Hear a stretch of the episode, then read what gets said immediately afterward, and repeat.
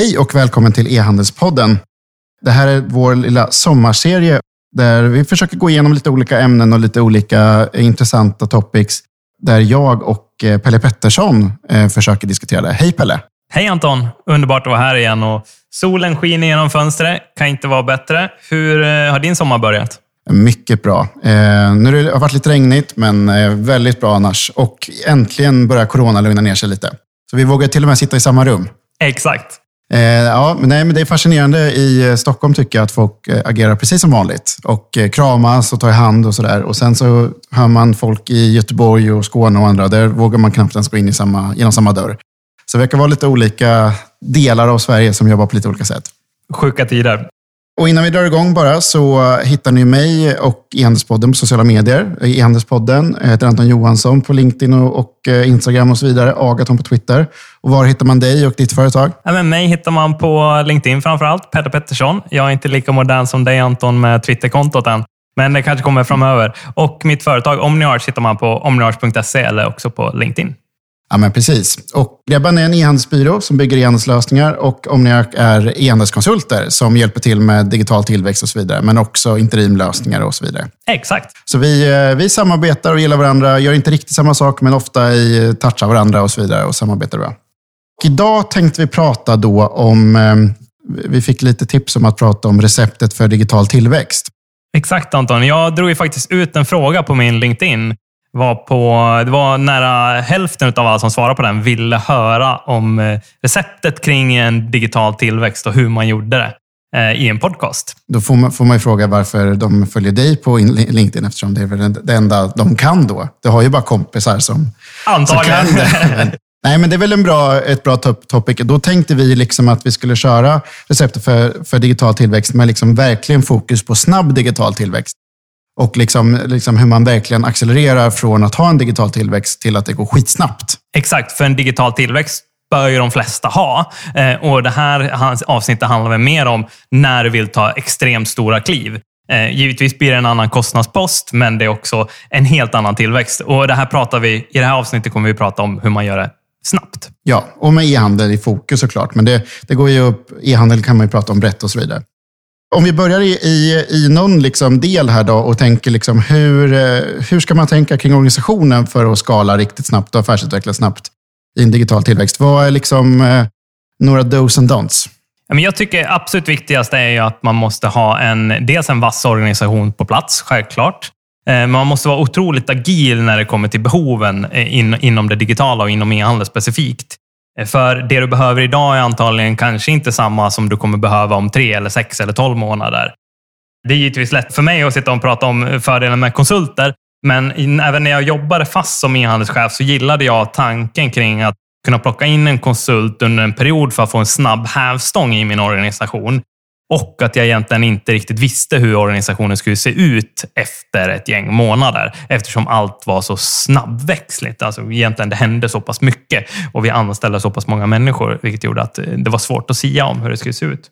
Men egentligen det, det viktigaste generellt tycker jag är ha en vass organisation på plats, men framför allt ha en målsättning kring alla som är i organisationen. Säkerställ att de vet exakt vilket är ert gemensamma mål och vad är det exakt ni ska uppnå. Och sätt målbilden för alla och få alla att jobba mot samma.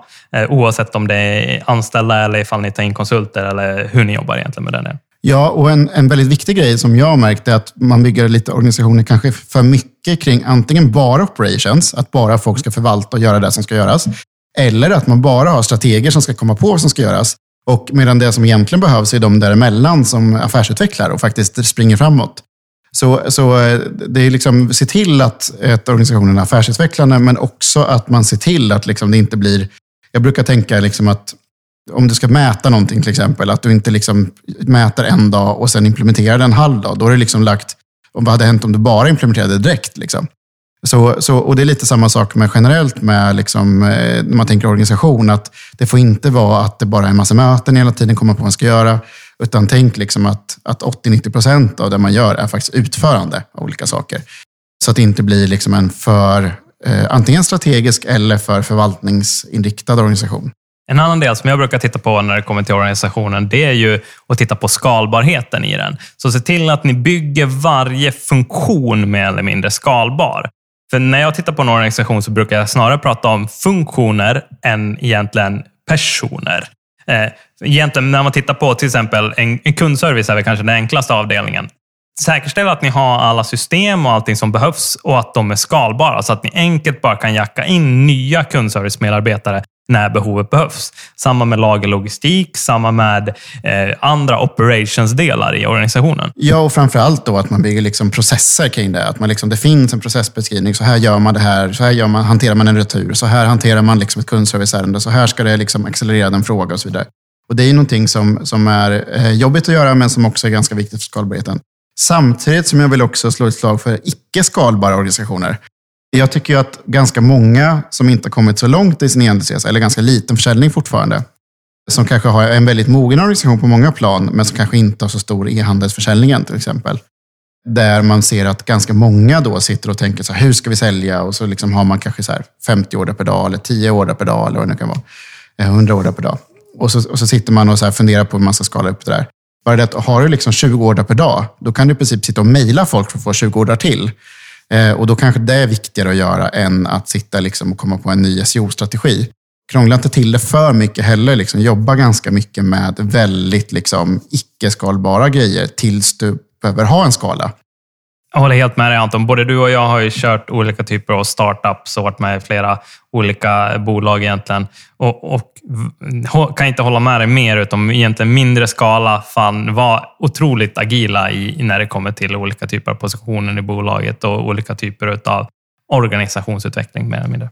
Och det, det kan ju vara ett tips liksom, när man rekryterar så här, en e-handelsansvarig och det är ens första e-handelsansvarig. Eller så.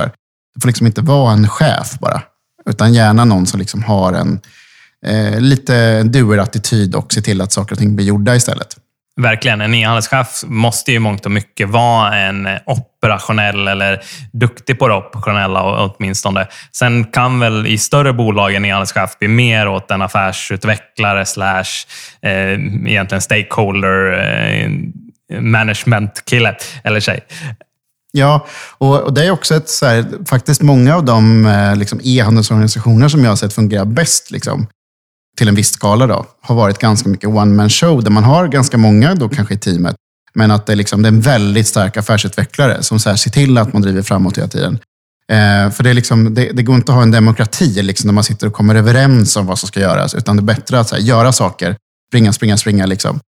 Och är det min, är någonting jag tycker att en, så här, en growth-organisation inom e-handel eller digital growth ska göra, det är att springa. Liksom. Det är affärsutveckla varje dag handlar bara om att springa snabbt, ha koll på det ni gör och springa ännu snabbare imorgon. Ja, exakt.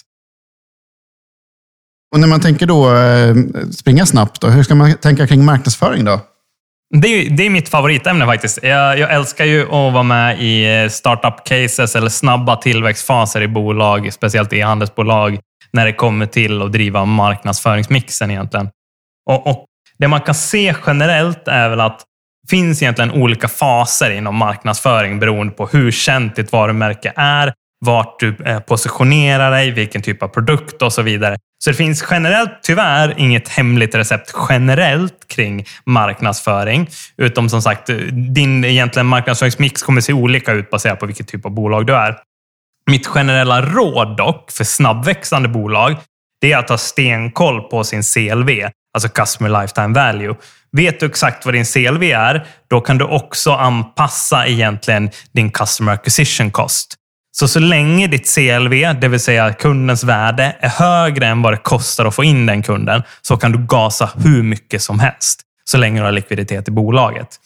Så säkerställ att ni har 100% koll på CLV-värdena och säkerställ vad det är som driver höga CLV-värden och sen bara pumpa in eh, egentligen pengar på den typen av marknadsföring. Mm. Och det där såklart ska man ju göra per...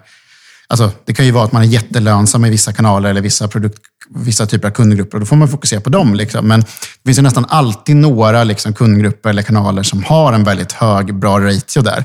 Och där man borde kunna trycka på ganska mycket om man trycker på rätt kanal. Liksom. Verkligen. Det jag tycker är så jäkla intressant med just CLV-delen är, och speciellt CAC också, är att man kan titta väldigt mycket på olika typer av produktkategorier. Och Vissa produktkategorier kommer automatiskt ha ett väldigt högt CLV-värde. Vilket gör att du egentligen skulle kunna pusha in nästan hur mycket pengar som helst på dem och driva hur mycket köp som helst på dem. För att den kunden är lojal mot den typen av produktgrupper.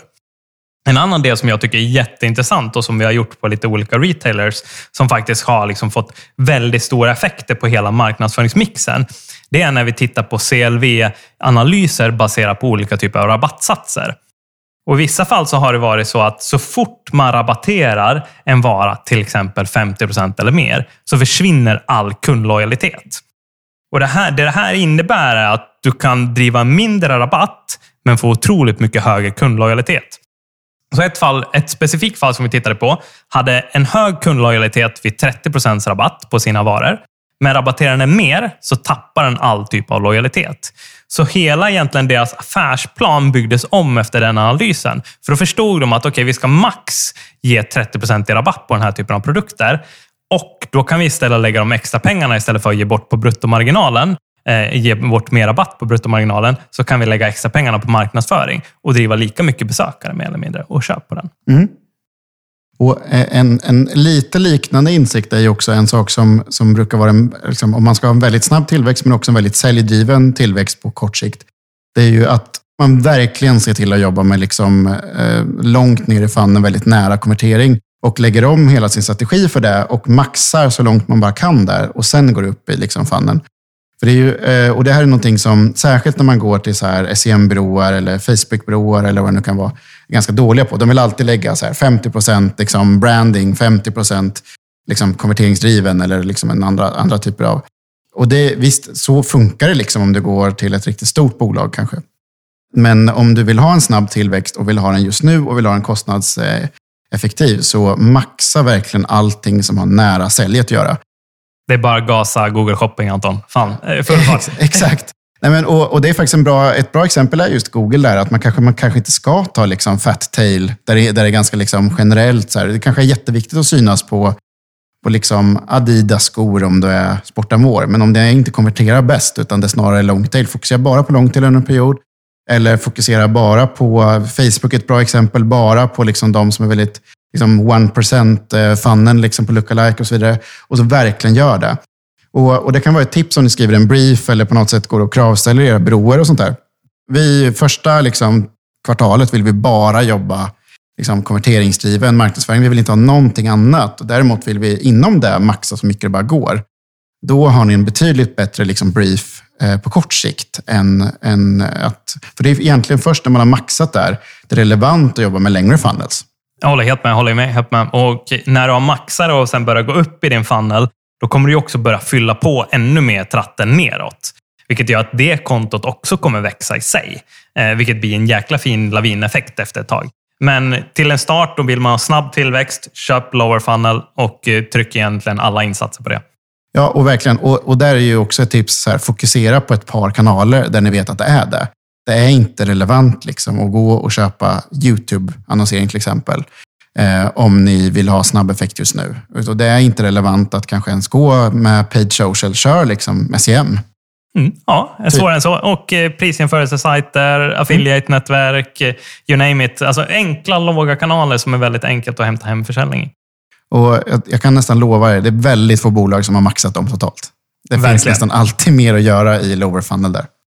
Eh, hur ska man tänka då kring eh, liksom marketplaces och hur man ska utnyttja det? För det är ju ändå så att vill man verkligen skala snabbt så är det ju väldigt fördelaktigt att gå med marketplaces.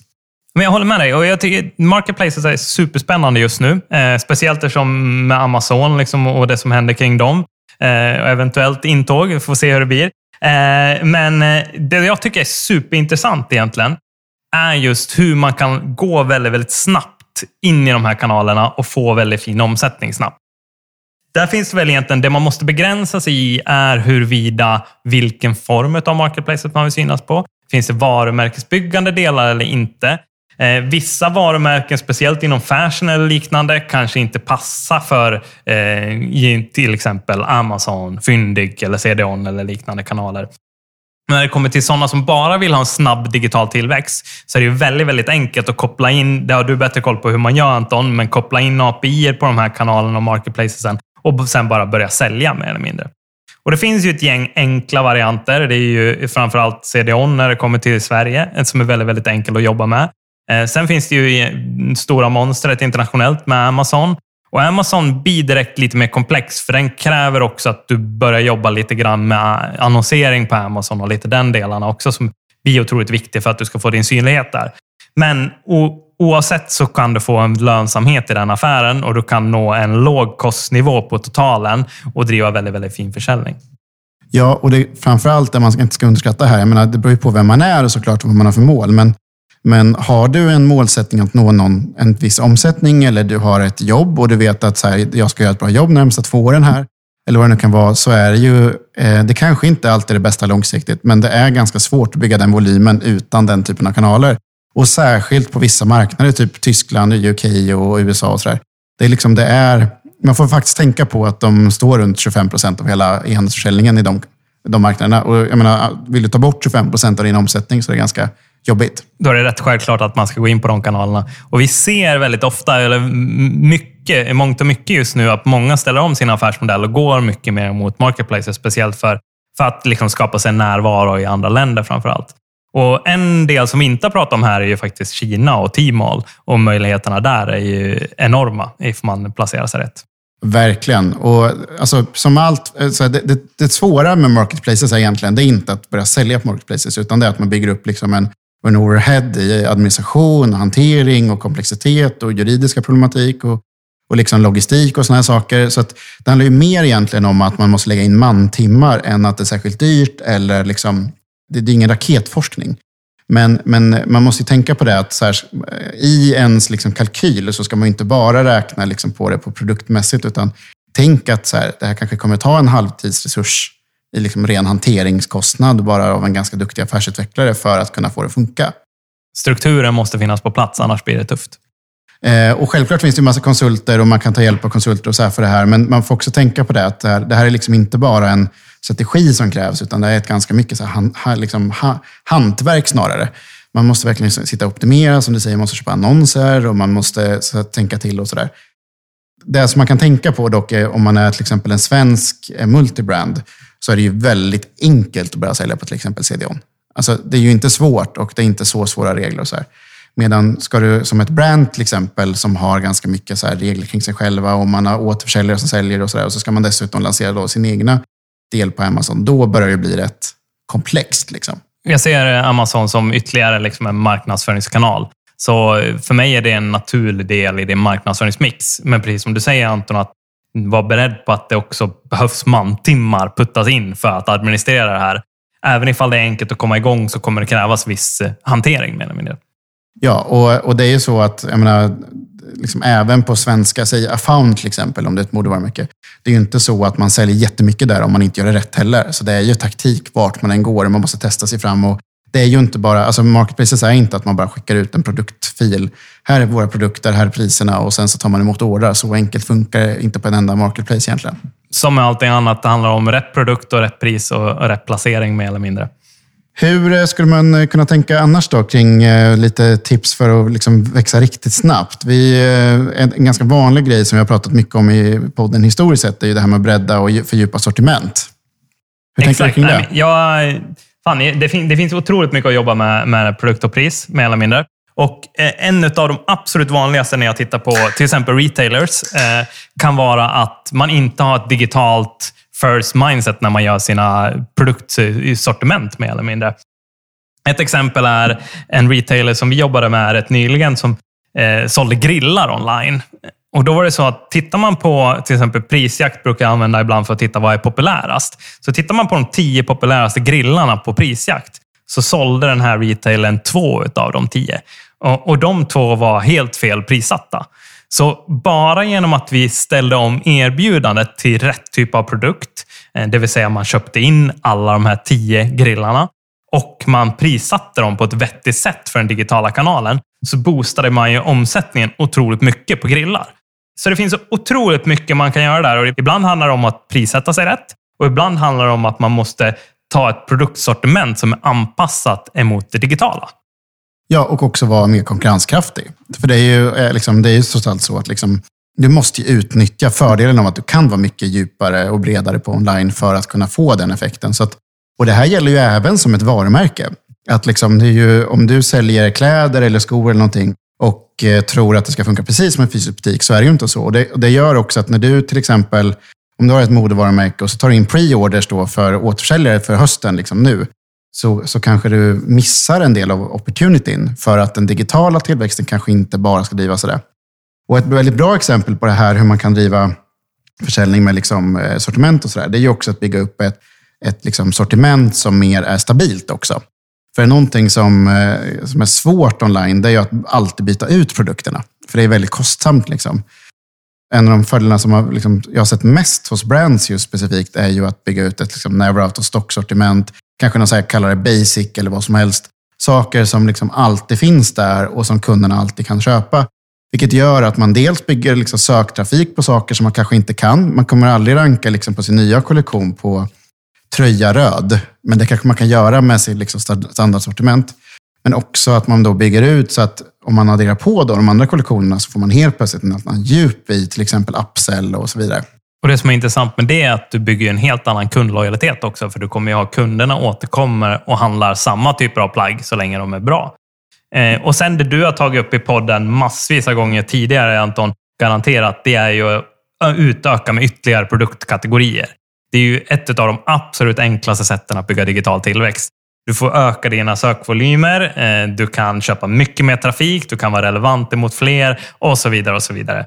Så det är ju ett quick fix egentligen. Ja, men verkligen. Och på tal då om att fördjupa liksom sortiment och sådär, så kan man ju också, ett annat sätt att göra det, det är ju att gå in på fler marknader och internationalisera. Och här är ju verkligen så här, eh, tycker jag, ett underskattat sätt att, in, att liksom växa på.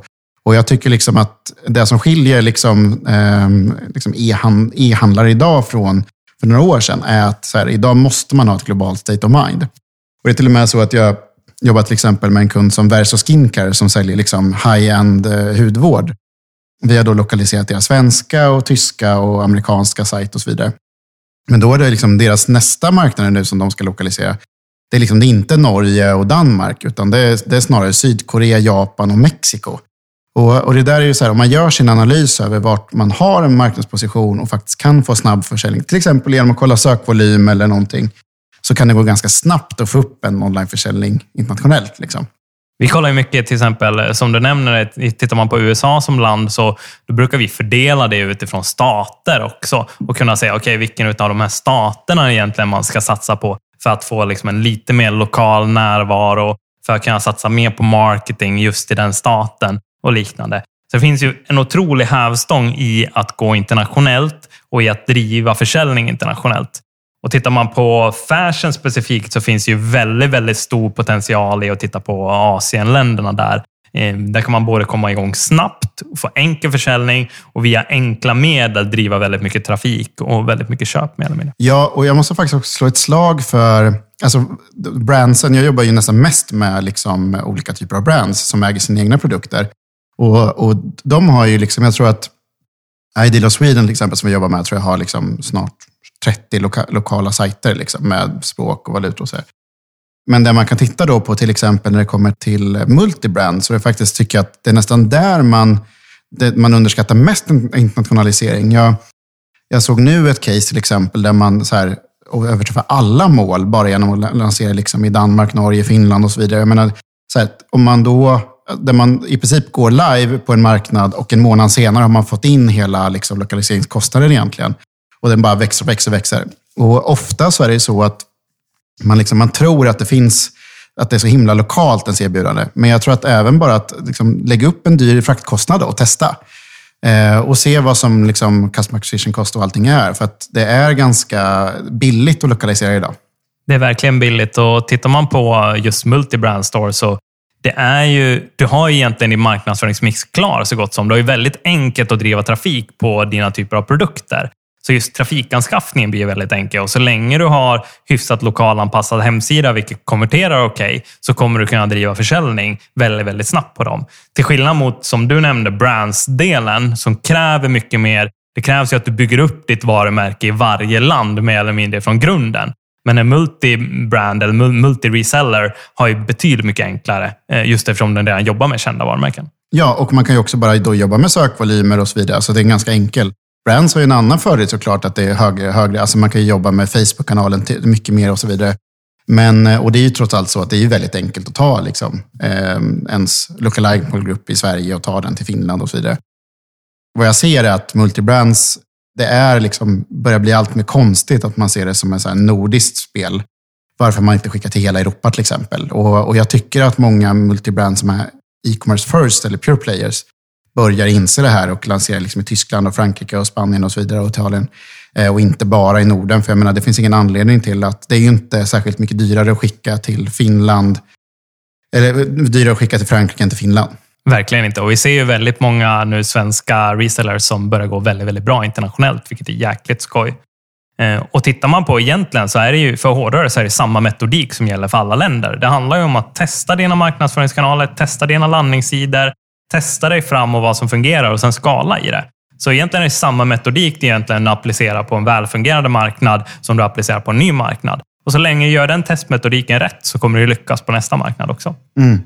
Jag tror att liksom, kolla på sortimentet och kolla på, på så att säga, lokalisering och internationalisering, det är så två superviktiga grejer. Och jag skulle säga liksom att nästan alla bolag som jobbar med, som växer väldigt snabbt, jobbar med det väldigt aktivt.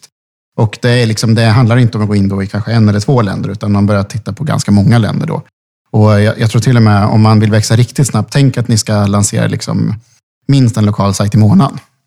Som är helt lokaliserad med språk och valutor och, och sortiment och allt sånt där. Liksom. Och, så, och helst med även fraktsätt och sådana saker. Och det är ju inte särskilt svårt idag egentligen. Ja, säger jag i alla fall. Det finns ju väldigt enkla kopplingar på det. Exakt. En annan del som jag tycker är jäkligt intressant att titta på, det är ju när man väl börjar få igång lite momentum på det här. Att man börjar titta på egentligen sitt CRM och hur man hanterar liksom lojaliteten hos eh, sina bety, liksom tidigare kunder. Hur eh, tänker du kring det Anton? Jo, men det är ju absolut eh, liksom första tipset man säger. Liksom. Men så här, hur ofta och hur bra skickar ni e-post egentligen? Och hur hanterar ni liksom sms och hur hanterar ni alla olika typer av lojalitetskanaler egentligen? Då? Jag tycker ju att om man tittar på, det finns egentligen två delar där. Det ena är ju liksom hur man jobbar mot den målgruppen. Och det är ofta då man, när man pratar med bolag att de gör ingen, så här, alltså om man skickar ett nyhetsbrev så borde man ju även göra retargeting mot dem egentligen till exempel. För att då ökar man chanserna ganska rejält att de faktiskt blir en, en återkommande kund. Så det handlar ganska mycket om att börja samköra kanalerna. Men det handlar också, tror jag, om att bara våga göra det mycket, mycket mer. Att liksom jobba med den kanalen väldigt aktivt. Och jag, jag tror liksom att om man tittar på femårsperspektiv så ska liksom en, ja, men mer än en fjärdedel av ens kunder vara liksom lojala kunder varje vecka av en köp. Annars så har man liksom en, en för dålig mix över tid. Så, så liksom, nu generaliserar jag jättemycket, men försök verkligen jobba med den kanalen. För att det är, liksom, det är ju över tid en ganska stor del av ens tillväxtmotor. Jag såg ju en tydlig liksom, förändring inom tankarna kring CRM i och med corona kom nu. Eh, och Den var egentligen tvådelad. Det ena var att eh, de som tappade försäljning blev tvungna att försöka aktivera sin lojala kunddatabas ännu mer.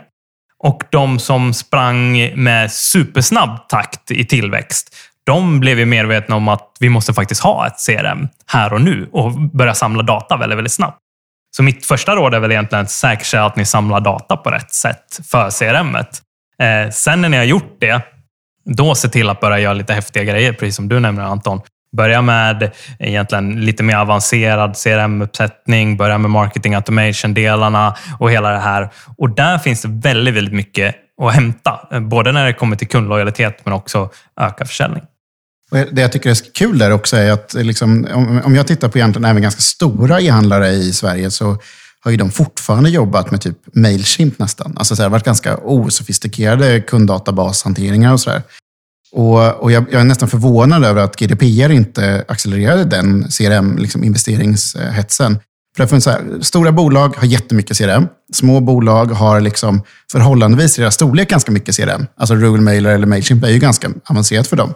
Men däremellan har det funnits ganska få som liksom jobbat med det. Man har levt med antingen för stort eller för litet. Eh, och nu börjar det kännas som att det äntligen börjar hända lite saker där. Att man faktiskt investerar i CRM lite tidigare. Man kanske börjar jobba med den lite mer sofistikerat och så vidare. Eh, jag vet inte vad, du, vad din erfarenhet är, men jag tycker att en av de stora topicsen, i alla fall i min lilla bubbla just nu, är CRM. Verkligen, jag håller helt med. Och när jag tittar på det, jag håller med dig i den delen kring att det finns väldigt mycket att jobba med det fortfarande. Och Ett exempel som jag brukar dra är eh, jag, jag är väldigt träningsintresserad eh, och har mycket egentligen träningskläder och mycket olika grejer som jag kör. Och jag kör mycket crossfit. Och kör man mycket crossfit så brukar man köpa Icana Will-kläder. För det är liksom anpassat mot det till viss del.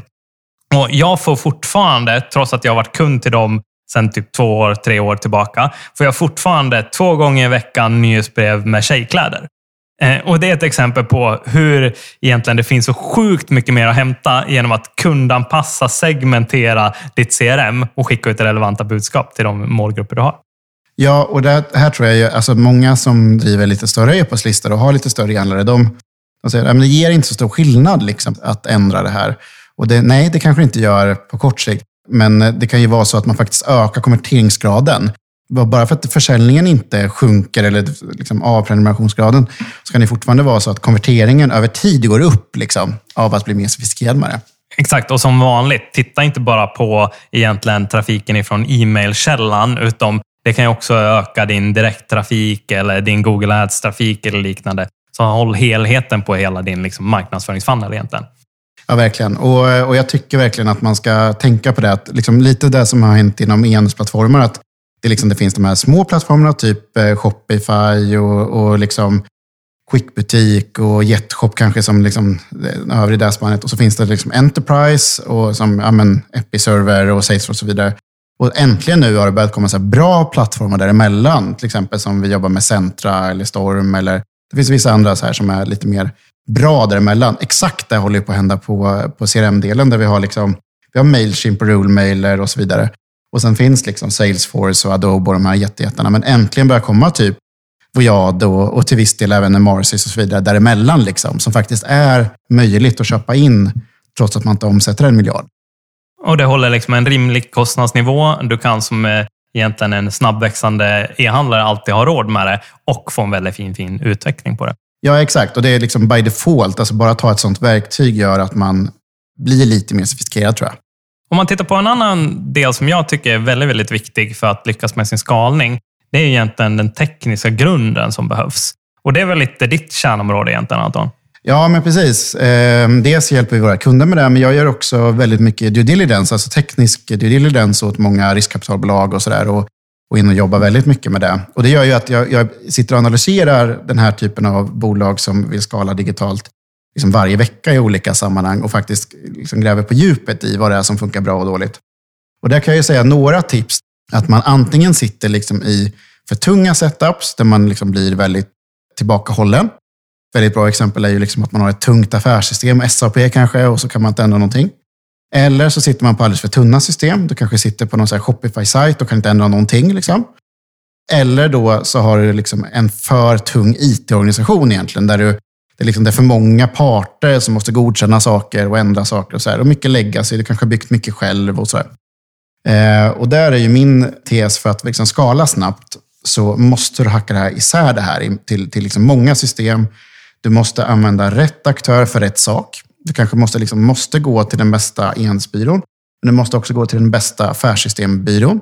Du måste liksom ta, ta hjälp av de olika typer av system och du måste alltid tänka att ingenting är heligt. Ett litet tips där också är ju att fundera på när det är dags liksom att ta vissa steg tekniskt. Jag vet inte vad du tycker, men min känsla är till exempel då CRM, då, som jag nyss var inne på, att det kanske är en investering man ska ta lite tidigare än vad många gör. Man kanske inte måste ha 200 000 prenumeranter för att det ska vara värt. Exakt. Nej, men, och Det är precis likadant med den tekniska grunden. Jag, utifrån alla mina år som e-handelschef så har väl jag varit med i de flesta cases som du nämner, Anton. Både superavancerade SAP-lösningar, men också Shopify-lösningar som är väldigt begränsade. Och Det viktigaste absolut som jag tycker är att tveka inte att testa, eh, är min första lärdom. Och Min andra lärdom är egentligen att ha, eh, säkerställa att du har en agil uppsättning. Så att du kan vara snabbfotad när det gäller nya funktioner, nya lanseringar, designförändringar eller vad det är. Så att ni hela tiden kan vara väldigt, väldigt agila och väldigt snabba. Och En sak du nämnde innan vi drog igång och spelade in podden var just det här med vikten av att ha olika sprintar. Och Det säkerställer egentligen snabbhet i det hela. Ja, men verkligen. Och jag, och jag tycker att här, en väldigt viktig grej här också är att operations får liksom inte styra det kommersiella. Så en, en, av de första grejerna jag brukar göra när jag börjar rådge och sätta upp liksom olika IT-organisationer och hur man ska jobba i olika företag, så här, det är att som e-handelschefen äger kommersiell IT. Medan liksom, eh, så finns det en annan person, kanske någon operativ chef eller någonting, som äger liksom den operationella IT. För det får liksom inte vara så att den kommersiella liksom, eh, e-handelschefen ska försöka, så här, på, behöver liksom vara så beroende av det operativa. För det måste gå att liksom springa. Och jag menar, eh, i, I en snabb setup så är det faktiskt så att man ska kunna liksom lansera ett nytt land inom två veckor. Man ska kunna lansera och göra saker hela tiden. Och så här. Och jag tror att det som man, man underskattar är att idag är liksom 90 procent av allt man gör i ett e-handelsbolag är IT-relaterat.